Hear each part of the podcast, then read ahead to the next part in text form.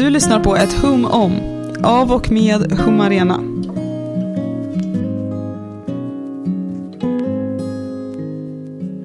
Hej och välkomna till ett hum om med mig Hjalmar. Och med mig Elsa. Hej Elsa. Hej.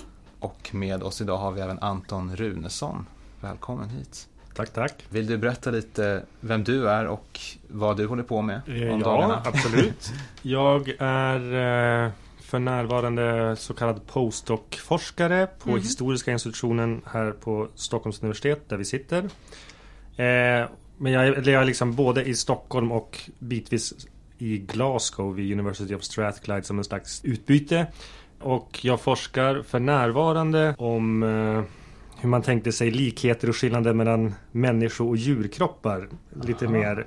Men, eh, men vi ska inte tala riktigt om det och det är jag glad för för jag har inte Ja. riktigt hunnit komma så långt med det. Så att jag är glad att vi ska tala om något som jag mer ligger nära det jag hade som ämne i min avhandling. Ja. Som är, Eh, olika aspekter av att vara kropp på 1600 och 1700-talen. Och då är då känslohistoriska aspekter en av det till exempel. Precis, ja, det där är ett lite diffust begrepp kanske för många, att vara kropp. Ja, Mm. Hur kan man, eh, kan man sammanfatta det? ja, jag hade som utgångspunkt eh, på något vis Jag disputerade alltså för två år sedan men jag borde ju minnas det ganska väl ändå. Jag, förs- ja, jag, liksom olika, jag studerade i avhandlingen då hur man förklarade att kroppen påverkades av olika saker. Eller hur, det var, hur man erfarenhetsbaserade förklaringsmodeller av till exempel att se överväldigande syner men också att, att insjukna eller att bli medveten om synd och så vidare. Hur, hur olika sådana processer, eller vad man ska kalla det, upplevdes kroppsligt och hur man ja, tolkade kroppen i olika situationer eller vad man, ja okej, och då kan det till exempel kopplas till känslohistoria då att hur man uppfattar att någonting, att, jag menar, som att bli sjuk som du sa. Mm. Hur det, vad det framkallar för känslor i en person. Ja, men också att man kanske omvänt eh, förklarade att man hade blivit sjuk för att man hade känt väldigt starkt. Eller att man kanske förklarade att man erkände sig skyldig till ett brott eller angav en granne till inför domstol för att man hade så pass mycket skuldkänslor och att man liksom ja, angav eller angav andra eller angav sig själv i syfte att liksom bli av, avbörda sig själv känslor som skuld eller ont samvete och sådana där saker. Så att det- man kan också se det som liksom det är handlingsgenererande på olika sätt. Mm. Just det. Hur tänkte de här människorna sig att skuld och sådana känslor eh, hur påverkade det kroppen? Hade den mer kroppslig eh, Ja, alltså det kan man ju, karaktär. kan diskutera. Är det att de upplevde det mer kroppsligt eller att de beskrev det mer kroppsligt? Men man kan ju i alla fall se att de beskrev det ganska så kroppsligt skulle jag säga. Alltså det, att det var väldigt starka fysiska förnimmelser av att ha bevittnat ett brott eller gjort sig skyldig till ett brott och att det Ja, det beskrevs, beskrivs i alla fall eller så i de här protokollen som jag undersökt väldigt i väldigt kroppsliga termer som att det gör ont i hjärtat eller att samvetet nästan är som en kroppsdel som kan göra ont. Vad, vad är det för protokoll du har kollat på? Eh, jag gick igenom från alltså svenskt 1600 och 1700-tal några hundra rättegångsprotokoll av väldigt allvarliga brott för att just få de här mer dramatiska fallen. Men det var barnamord, magi och mord och dråp och eh, tidelag. Och lite spridda saker. Men det var det jag siktade in mig på. Just allvarliga brott som har någonting med kroppen att göra. Okej, och du säger att, Mörka de, saker.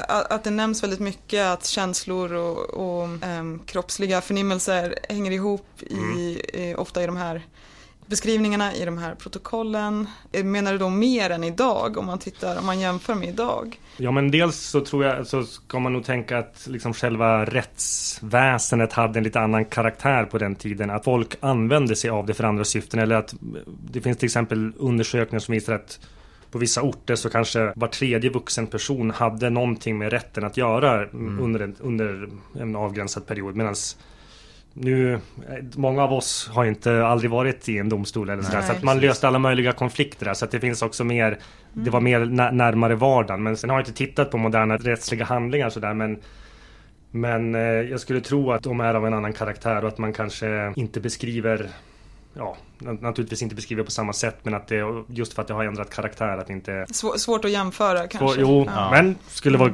intressant att göra. Ja, tips till alla mm. där ute.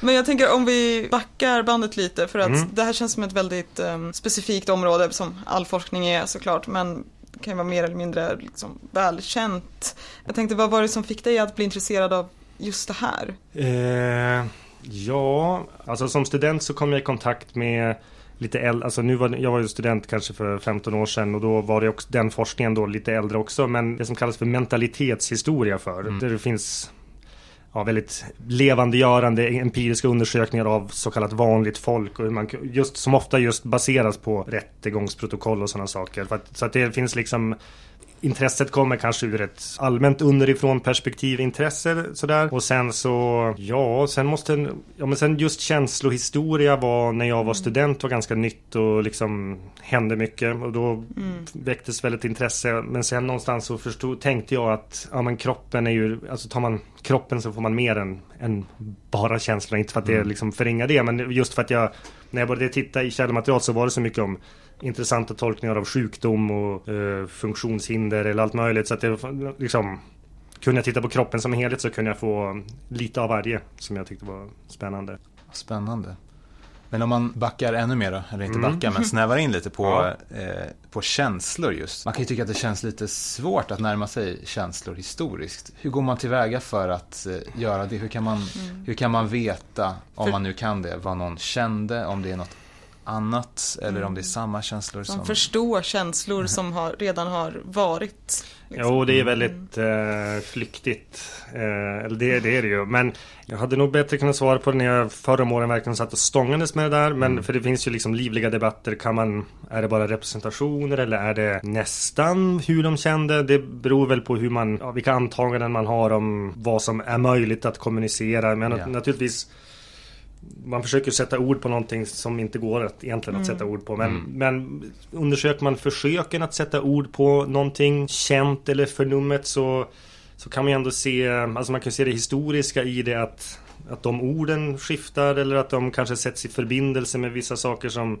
som vi inte skulle sätta i förbindelse med. Och det är det som är ganska fascinerande att liksom Ja men se att någon beskriver ett eh, spektra av skuldkänslor och sen hur det slår över till sjukdom och att man, mm. då ser man ju på något vis hur de tänkte sig att det fungerade i ett större sammanhang också. Just det. Sen kan man ju tänka att vissa historiska samhällen eller kulturer har haft större uppmärk eller liksom en större upptagenhet vid till exempel religiösa, mm. religiöst mm. konnoterade känslor som skuld eller dåligt samvete och fäst större uppmärksamhet vid det och Sådär. Just det, för det där tänkte jag också fråga om. Alltså, kan man se någon slags förändring i hur folk har både vad folk har känt men också hur de har pratat om sina känslor eller förhållit sig till olika känslor historiskt eller i olika kulturer. För det är ju lätt att tänka att det är bara någonting evigt nästan. Att eh, jo, våra nej, känslor men, har formats av någon slags... Mm. Man skulle nog kunna säga att det finns ett slags konsensus om att eh, det inte bara...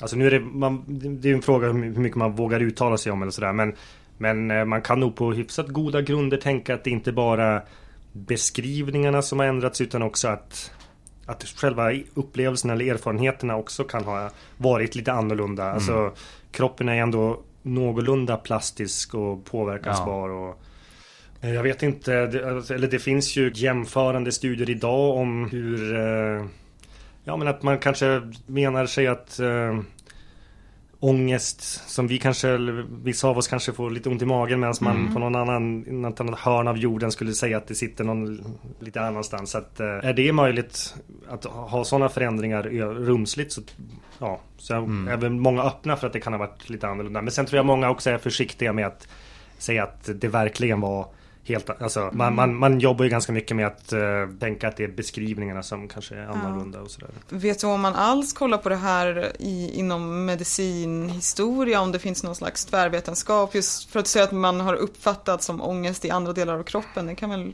ha ett medicinskt intresse? Jo alltså, jo, alltså det finns ju en hel del studier, alltså det läste jag då, ja, till min avhandling. Alltså det finns eh, hel del medicinhistoriskt intresserade som också har känslohistoriska ansatser och sådär.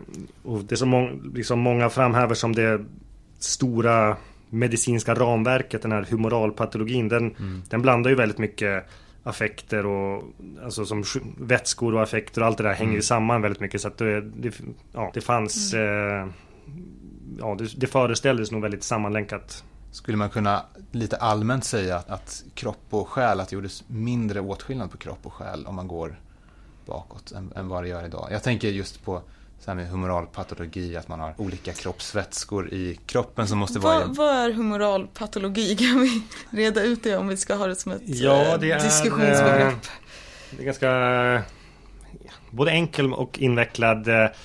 Alltså att människan är som skapad av en kombination av materia och ande, olika livsandar.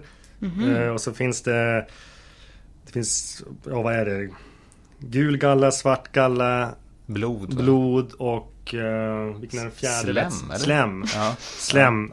Olika vätskor som kroppen är uppbyggd av och som i sin tur korresponderar med humör och liksom har man för mycket av en vätska så disponeras man till att kanske vara melankolisk eller flegmatisk. Av vem har det här använts eller när? Ja, många, alltså det här var väl den rådande Ja, det var- medicinska synen fram till ganska, alltså Ja. jag vet Okej. inte när man slutade. Alltså det, det är ju från, an, det är ett an, antikt ursprung och så med arabiskt inflytande eh, och sen så liksom präglade och sen fick det som en renässans då under 1400 och 1500-talen och sen Men sen kanske från och med Descartes att det började ebba, av lite, ebba ut lite grann och blev Mm. Man började tala om kroppen som en mekanisk maskin och sen från 1800-talet och framåt eller kanske lite tidigare Ytterligare lite tidigare Så börjar man ifrågasätta det men det, så att det var ju ändå en 2000-årig Ja, historia Ja, ja men då, då är jag med. Eh, sen så parallellt med det så fanns också en massa andra sätt, alltså mer kanske med ma- magiskt influerade Mm. förklaringsmodeller och eller, och mer, vissa mer praktiska liksom, som inte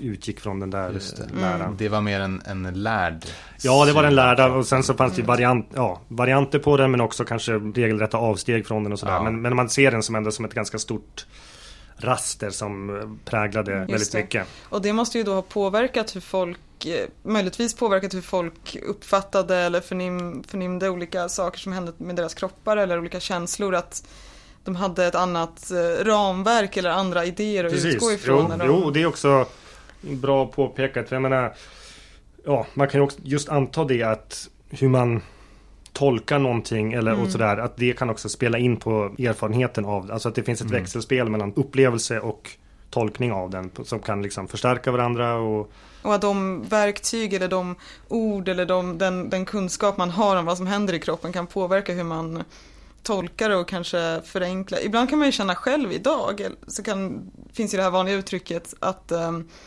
så jag kan inte sätta ord på mina känslor Ja. när man, ibland när man känner en viss sak. Mm. Och då kanske man kan tänka sig att någon gång i tiden så kunde man sätta ord på just den känslan för att då hade man ett annat ramverk att utgå Mm. ifrån Ja. eller andra absolut. ord att använda. Så Ja.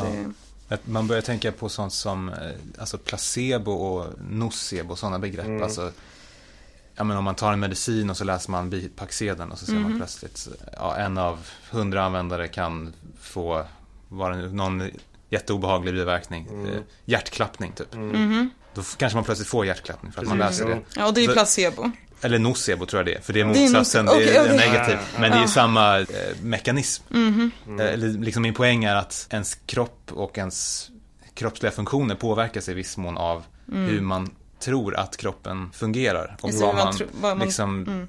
att det påverkas åt båda hållen, eller hur? Jo. Eh, Jo, det, borde, ja, det är ju rimligt att tänka att det finns en sån växelverkan. Men där, där kan man ju se också om man tittar några hundra år tillbaks att om det till exempel fanns en mycket bredare palett av ord som hänvisar till olika förnimmelser eller känslor så kan det ju funnits ett språk som, som motsvarar ett sätt att känna eller förhålla sig till kroppen som Mm. kanske har eh, bunnats ut eller Mm. ersatts av andra sätt att Mm. känna eller förstå känslor och så vidare.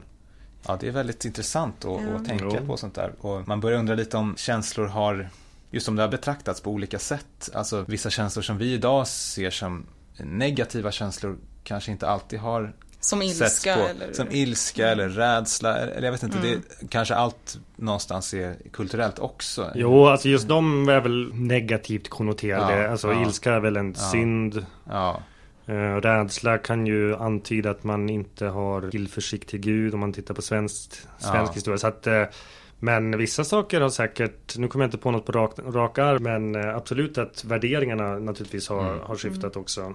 Ja, det måste ju, jag tänker att det ganska lätt blir skiftningar i, eh, om man tänker på känslor som eh, glädje och eh, lättja och att frossa och att det, det, just det. gränserna där är liksom Ja. inte så tydliga och att det säkert kan då lätt eh, förflytta sig. Att, eh, Ja.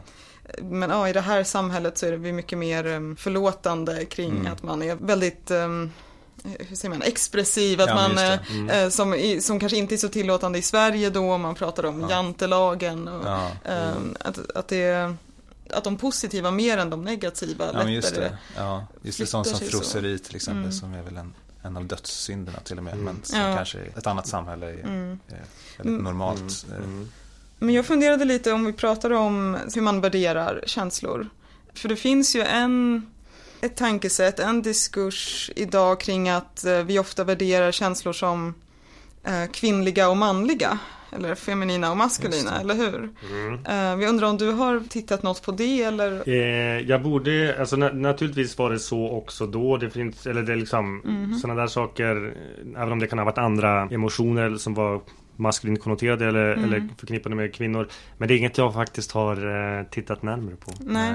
Men det är en spännande, ett spännande ämne. Jag vet att jag Mm. har läst någonting om, om män och gråtande tror jag. Eh, Mm. Ja, Att precis. det är lätt att tänka att män har alltid haft som ideal att man inte ska gråta. Men att går man lite längre tillbaks verkar det inte alls vara Nej, så. både Gustav Vasa grät inför riksdagar och Ja. Gustav II Adolf när han skulle ge sig iväg ut i 30-åriga kriget så stod han också och höll ett tal inför ständerna Ja. och eh, tårarna flödade. Ja, Eh, nu kan ju hända att politiker idag Fast kanske inte, inte liksom gråter i... svårt att se med i- Ulf Kristersson ja, att han skulle står inte i gråta kammaren nu och, och gråter. Nej. Och då är det oftast ändå en kvinnlig politiker man tänker sig skulle gråta. Ja men apropå de, de tidsbundna liksom, Ja, eh, eller kulturella aspekterna av Kanske att folk eh, känner samma känsla men att det finns ett annat utrymme för att Ja, och Visa eh, det var ju knappast, eh, uppfattades ju knappast omaskulint av de här kungarna jag nyss nämnde att, att gråta inför Nej. ständerna. Nej. Det var förmodligen eh, väntat och Mm.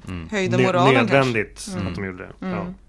kanske något vi kan försöka ta Ja. tillbaka. Nej, det, var, det var ett litet Ja. bispår men jag var tvungen att fråga Ja. om det. Men det är värt att fundera på. Det kan våra Ja. lyssnare också fundera på kring Mm. vilka känslor som, Ja. har, som kodas som kanske kvinnliga Ja. eller manliga idag och hur det har varit annorlunda historien och kanske hur det kan se ut framöver Om också. man känner att man håller tillbaks tårarna kan man tänka på Gustav Vasa. ja, ja som, som man, ja, ja verkligen. Ja, någon slags eh, urfigur för Mm. en manlig kung med stort skägg. Liksom. Mm. Om man kopplar lite till det att det förändras genom Mm. historien, um, vilka känslor som kanske uttalas eller tillhör viss, eller som är förbjudna eller ja, så funderade jag lite på, eller vi funderade på om det finns ett samband gällande när vissa känslor på något sätt uppstår i en period. Vi funderade, jag hade som ett exempel att under en viss tidsperiod så kan det uppstå en väldigt stark känsla liksom i ett eh, samhälle eller i ett sammanhang. Det kan uppstå ett starkt hat mot en annan folkgrupp eller väldigt starka ideal. Har du sett, eller har man sett i forskningen något slags samband för när det blir sådana här kollektiva, delade känslor? Det finns ju ett fenomen i före detta Östtyskland där man talar inte om nostalgi utan ostalgi. Om Mm. liksom längtan tillbaks till den gamla, det gamla systemet. In, in, Ah, som just är ett, som man då kan tolka som ett svar på att ja, de dåvarande Östtyskland idag är ju väldigt eftersatt och får mindre, har mindre resurser och det är lägre, det är högre arbetslöshet, det är, ja, det är en lägre standard där. Så att man, och i ljuset av det så liksom kanske man som svar på den besvikelsen av att det inte blev bättre än så här så Mm. längtar man då tillbaks till en tid då det Även om det var politiskt förtryck och godtycke så Mm. fanns det ändå fungerande kommunikationer och fungerande skolor Mm. och så vidare. Så att man då Ja, man kan tala, eller man talar då om en eh, Ja, Mm. som ett slags kollektivt uttryck för nostalgi fast till det gamla landet. Just det, så någon, någon stor förändring Ja, i samhället kan, kan då skapa ett, någon slags gemensam känsla Mm, hos, hos många eller majoriteten av människorna i det samhället. Det, ja och sen kom på ett annat exempel Mhm. av någon som har visat att det efter 30-åriga kriget kom en mängd nya ord för lidande. Mm. Eh, för att de gamla orden räckte inte längre till i ljuset av det nya lidandet. Så det gick Nej. inte längre att tala om det på samma sätt. Och så, sådana liksom, alltså att man, det man som kollektiv hade råkat, hade ja, drabbats av gjorde att man var tvungen att lite grann flytta fram språkets positioner för att kunna liksom mer rättvist tala om det som hade hänt. Just det. Och man kan tänka att liknande saker, jag menar nu var ju det kanske en utstickande katastrof för den för liksom 1600-talet men eh, ja, senare århundraden har ju varit än värre där. Så att det, där kan man ju tänka att man skulle kunna studera liknande kollektiva pro- processer. Just Skulle man kunna, apropå det vi pratade om tidigare, även se den, det motsatta? Att, att språket även har en inverkan på vad man känner. Till exempel mellan olika språk, tänker jag Mm. på. Eh, om det finns ett starkare ord för en viss Ja. känsla. Det kanske är svårt att... Ja, det är intressant att tänka på, det är men- intressant att tänka på i alla fall. Alltså, ja, men det, för att det finns ju vissa ord som inte är översättningsbara. Eller liksom att vi, det, ett, ett språk kan ju ha ja, men fler variationer eller fler alternativ till vad som på ett annat språk motsvaras av ett, ett klump. Ja. Eh, Liksom en ihopslagning av de här. Så att, eh, och då kan man ju, ja, man kan ju tänka då, även om det är svårt att bevisa, att, att de här orden är på något vis belägg för att det fanns olika sätt att förnimma eller känna eller vad man Ja. nu vill kalla det. Så att eh, finns det en bredare palett så är det också en bredare repertoar av möjliga sätt att erfara någonting. Just det. För du hade ett exempel på det där om i tyskan, eller hur? Jag tror att vi pratade om det någon gång. Just det. Att, att de har ett starkare ord för hemlängtan. Ja, precis. Eh, Heimweh. Ja, Heim. Och det är ju alltså, ist tut weh, det gör ont. Så att det är ju, Mhm. och det tror jag ursprungliga bemärker, betydelsen av nostalgi tror jag också har något slags smärtkonnot, Ja. sådär betydelse. Ja, men sen, och det är ju liksom hemlängtan, att längta, nu vet jag inte exakt det är ordets ursprung men, Mm. men det har i alla fall inte nu, tänker vi i alla fall, gissar jag, inte att det har så mycket med att det gör ont Nej. att, att Nej. längta hem på Nej. det sättet. På engelska är det väl homesickness. Ja, det. det. är ju också lite mer Som att man blir sjuk, sjuk, man blir ja. Ja, sjuk, precis. Ja. Ja. Ja. Ja, ja, jag vet också i eh, portugisiskan, då vet jag att det är inte hemlängtan då, men de har ett ord som är saudade.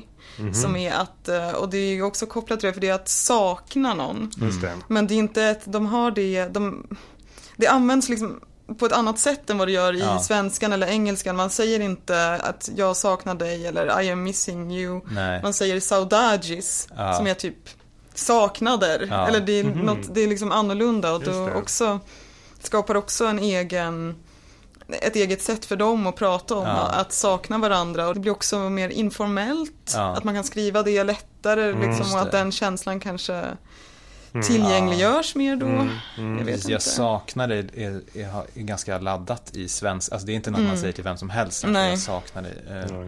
Men eh, kanske Mm. saudade heter det så. Mm, saudades. Är det lite lättare att... Ja, bara Eh, skriva så. Saudades, ja. eh, ciao, hej då Mm, liksom. mm, så, ja. så det, men det, jag vet ju att de också i, I Brasilien vet jag då att de pratar om att så här, det här går inte att Det går inte att översätta det här. Nej. det Nej. finns bara Nej. för oss liksom. Mm. Ja, bara, intressant. bara vi kan känna det här. Är inte det man brukar säga om lagom? Jag vet Mm. inte om det stämmer. Men det är kanske inte en känsla direkt. Men, Mm. eller det kanske det är i och för sig. Att allt är, Way of life. ja, precis. Ja, det är precis det. Man kan känna lagom Filosofi. mycket. Ja, Ja, ja.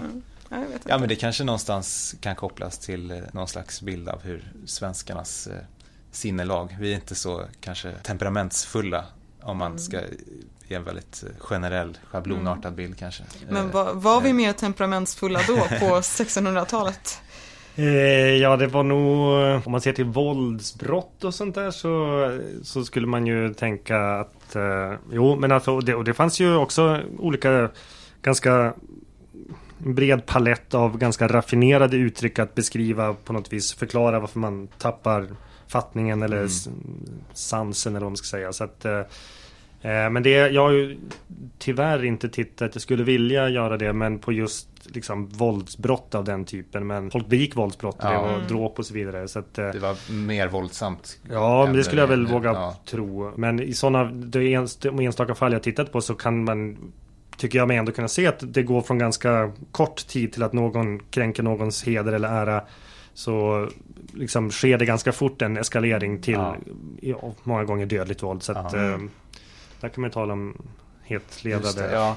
Visst fanns det, apropå hetlevrad, en, även en alltså medicinsk fysisk förklaring att man faktiskt blev uppvärmd när man var arg. Ja, inte och att blodet, minns jag, blev ja, varmt. förmodligen åkte uppåt mot huvudet eller uppåt i hjärtat och så vidare. Så att det, det, det påverkar ju och liksom Ja, slog, kan kanske ju- slog ut förståndsförmågan och så vidare. Ja. Eller så att eh, affektiv påverkan Ja. på någon av de eh, sensitiva själen eller om det var förstånds, ja, förnuftet och så vidare. Så de, de var ju sorterade i olika Ja. delar. Så att eh, Jo, precis. Och, det, det, och vilket i sin tur är då en del av det här hur- humoralpatologiska ramverket. Mm. Så att eh, ja, man kunde härleda det. Även sådana saker som att tappa förståndet eller tappa fattningen kunde man härleda till samma övergripande medicinska förklaringsmodell. Ja.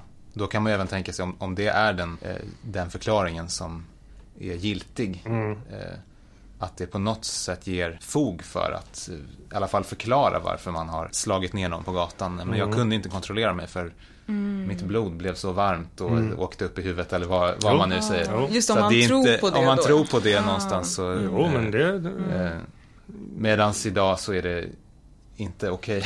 på- Ja, Det var inte okej då heller såklart. Men ja, jag vet inte, det Ja, finns inte den väl, förklaringen eh, till det i alla fall. Man har väl en förståelse för att ja, på något vis ändå... Ja, Mm. Ja, i och för sig. Det kanske jo, i är vissa, samma. Ja. i vissa situationer Ja. tror jag om någon Ja. är, typ, ser sitt barn i fara, då, Ja. är man så här, då förstår man att den blir Ja, liksom ja, det är sant. Galen. Det är sant. Ja, fast nu, nu är väl, ja, Man har ju talat ibland om att man utreder huruvida någon led av psykisk sjukdom vid tillfället då en gärning begicks. Det. Och då Mm. på något, ja.